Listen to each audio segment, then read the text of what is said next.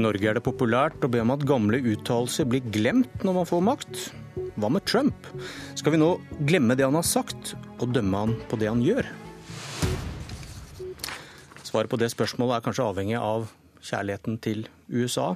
Der den kjærligheten ikke er så sterk, maner man til omkamp om Norges forhold til vår sterkeste alliansepartner. Det skal vi snakke om snart. Men først, i dag blir Donald Trump president. Har vi ham nå? Trine Skei Grande, leder i Venstre, har du skjønt mer av hva slags president vi skal samarbeide med? Nei, jeg føler jo at det er ganske mye som er usikkert på hvilken politikk han kommer til å stå for. Eh, det, det er mye personlighet og lite standpunkt vi har blitt utsatt for. Og jeg må jo si at Det som jeg syns er sånn mest skremmende, er jo om det er en, en, president som lar personligheten komme vei fra de rasjonelle handlingene i ekstreme situasjoner, som jo en president i USA kommer til å bli utsatt for. Men jo, det er jo ikke keiser vi har valgt. Vi har valgt en president i et demokrati. Det fins strukturer rundt den som jeg håper kan opptre rasjonelt i denne presidentperioden også. Anniken Huitfeldt fra Arbeiderpartiet, leder av utenriks- og forsvarskomiteen. Skal vi glemme det han har sagt? Nei, men han har nok satt ting på spissen. Og han har jo en eh, evne også til å skifte mening. Det har vi bl.a. sett i spørsmål om tortur, hvor han hadde veldig foruroligende oppfatninger i valgkampen. Men etter å ha snakket med han som skal bli forsvarsminister, så har han nyansert noen av disse uttalelsene. Så jeg tror vi gjør lurt i å analysere hva som er forskjellene på republikanerne og eh, demokratene. Der er vi relativt enige når det gjelder sikkerhetspolitikken. Der det er uenighet, er jo i miljøpolitikken, likestillingspolitikken. Der kan vi forvente oss at det blir en del endringer. Harald Tom Nesvik, parlamentarisk leder i Fremskrittspartiet. Da du satt her for litt over to måneder siden, Trump var valgt. Da var du svært usikker på hva slags president han blir. Har du, har du blitt mer eller mindre optimist til disse ti ukene som har gått? Nei, det, det, er jo klart det hersker usikkerhet rundt eh, en god del av hva politikk vi kan forvente oss, både når det gjelder frihandelsavtaler, når det gjelder eh, hvor sterkt vil han stå på, hvor raskt at eh, øvrige Nato-land bl.a. skal ta en større del av den finansielle kaka når det gjelder kostnaden ved Nato. Er det, men det er jo særlig handelspolitikken og den proteksjonistiske biten som på mange måter har uroa med litt. Eh, så ser jeg jo frem til eh, selvsagt at eh, når det gjelder hvilken politikk som skal føres, så får vi det gjennom offisielle kanaler og ikke bare gjennom Twitter. Jeg syns det kan være en grei måte å, å komme i gang på. Men vi skal ha respekt for det amerikanske folket som har valgt sin president. Eh, og det er klart at Han har allerede vist en del ting knytta til særlig industripolitikken. For jeg tror nok at den sterkeste fokuset som vi vil se særlig i begynnelsen, det er nok tre ting. Det går på handelspolitikk, det går på det å skape nye arbeidsplasser som USA har eh, behov for, og så går det på Obamacare, som han helt åpenbart har sagt at eh, skal opphøre å eksistere i sin nåværende form. Når vi skal diskutere hva Trump vil bety for Norge, er det kanskje naturlig å starte med sikkerhetspolitikken. USA har vært vår suverent viktigste alliansepartner. Og Trump har ikke hatt så mye godt å si om Nato. Senest for noen dager siden sa han at Nato er utdatert. Tidligere har han nærmest truet med å ikke stille opp for Europa hvis ikke flere land betaler mer for forsvar, som eh, du var inne på, Nesvik. Men eh, du forteller oss at du ikke er så bekymret for dette med USA og Nato Huitfeldt, og hvorfor ikke? Fordi at Det som ligger under hans budskap, er at eh, Europa må ta større ansvar for sikkerhet sjøl. Høyere forsvarsbudsjetter, investere i nytt materiell. Det er jo et budskap som han ikke er alene om. Det var jo noe som Obama også veldig sterkt eh, presenterte, noe som Hillary Clinton fokuserte på. Men Nato er utdatert? Ja, Det handler om at han mener at Nato ikke er et virkemiddel eh, som kan bekjempe terror. Men jeg tror nok at når han setter seg bedre inn i det. Den gangen vi har brukt Nato, artikkel 5 var jo for å bekjempe Al Qaida i Afghanistan. Da var det amerikanerne som ba om hjelp. Men det er jo helt åpenbart at Nato, de europeiske land, må ta et større ansvar for å bekjempe terror i Midtøsten. For det handler om eh, global sikkerhet. Men enten så snakker Trump sant, og det er grunn til alvorlig bekymring for Nato når det sterkeste landet sier at det er utdatert, eller så er han ikke til å stole på i så kritiske spørsmål. Og da si at dette blir business as usual, er det i beste fall ønsketenkning? Du rister på hodet, Nesvik. Ja, fordi at eh, du eh, tolker det nok eh, relativt vidt her. For det som Trump har sagt, jeg har selv sett en del av de intervjuene knytta til, til, Nato. Og det, det som han sier, er at én, det er det finansielle, at Europa må ta en større del. Derfor så har jo NATO, også Nato-landene, vedtatt et mål om 2% knytta til, til nasjonalproduktet til forsvar. Norge er også allerede i gang med våre vår investeringsprogram og, og, det med opptrapping knytta til Forsvaret for å ta vår del eh, på sikt. I tillegg så har han også sagt at når han henviser til utdatering av Nato, så sier han det at man, Nato må også være innretta slik at det, det, går på det terrormessige. Eh, dette er en forsvarsallianse, men det er viktig at man også kan eh, gripe fatt i, i terror. For det er jo en av de aller, aller største sikkerhetspolitiske truslene som vi har i dag. Slik at, og så må vi også ta med oss at eh, den som er utpekt som forsvarsminister, er en veldig sterk tilhenger av Nato, og hvordan det skal gjøres. Så jeg tror nok også det at og Kongressen her kommer til å ha sin klare formening i dette, eh, på dette feltet. Så jeg er rimelig trygg på at Nato kommer til å fortsette i sin nåværende form, men at vi andre må også ta en større del av den finansielle biten. Har du like lave skuldre, Skei Grande?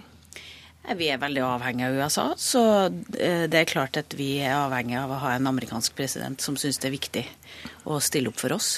Eh, men jeg tror at det er mange av systemene her som sikrer som sikrer oss i, i Nato-samarbeidet. Men, men tilbake til det jeg begynte på med. Det, jeg er jo redd for personligheten skal komme i veien i de viktige avgjørelsene.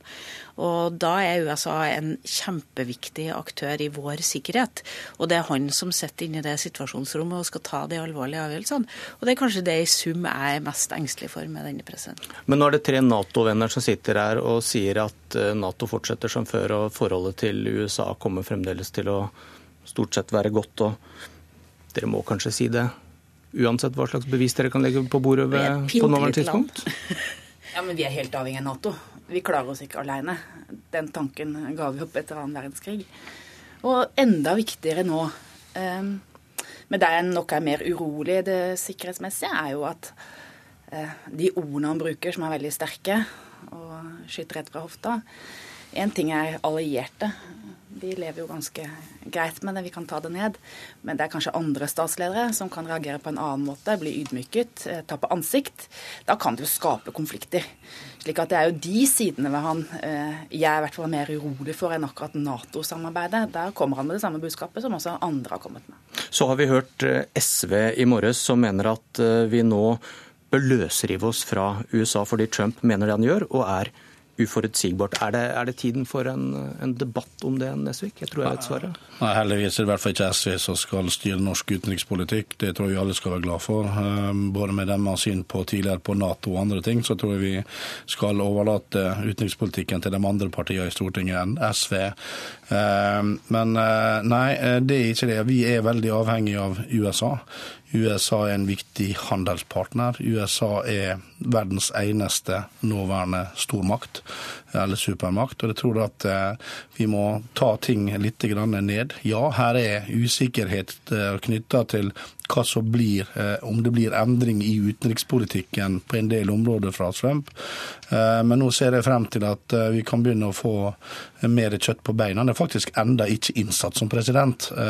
Og han har veldig mange dyktige folk rundt seg også. Vi har rådet rundt presidenten, vi har Kongressen, Senatet. I tillegg også så er nå tida inne for at vi også får mer kjøtt på beina her. At ikke vi får gjennom 140 tegn på ei Twitter-melding men at vi kan få mer eh, utdypende hva som blir den framtidige politikken. Huitfeldt, dere kan jo igjen bli avhengig av SV for å styre Norge, og da må dere kanskje høre på disse signalene som kommer nå?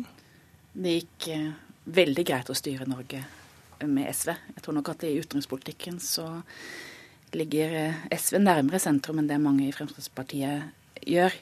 Slik at det er jeg null bekymret for. Men det jeg er bekymret for når det gjelder Trump, det er jo men eh, ta, ta det som SV sier i morges, at nå må, vi, nå må vi ta en debatt om vi skal løsrive oss mer fra USA, også sikkerhetspolitisk, fordi Trump er den han er. Ja, men det er jo noen av de samme signalene som kom i forbindelse med at vi behandlet langtidsmeldinga. Fra også partiet Venstre, som mente at vi måtte ta et større ansvar. Det var jo også Skei Grande sitt eh, budskap eh, rett etter at vi ble enige om langtidsplanen. Så dette skal vi ikke ta som noe trussel mot det Nato-samarbeidet som Arbeiderpartiet har stått opp for siden krigen. Det jeg er bekymret for, hvis jeg kan komme tilbake til Trump, det er jo det han har sagt på kvinner og likestilling. Her har jo demokratene vært veldig viktige allierte i spørsmålet om prevensjon til kvinner i utviklingsland f.eks. Der er det sterke motkrefter.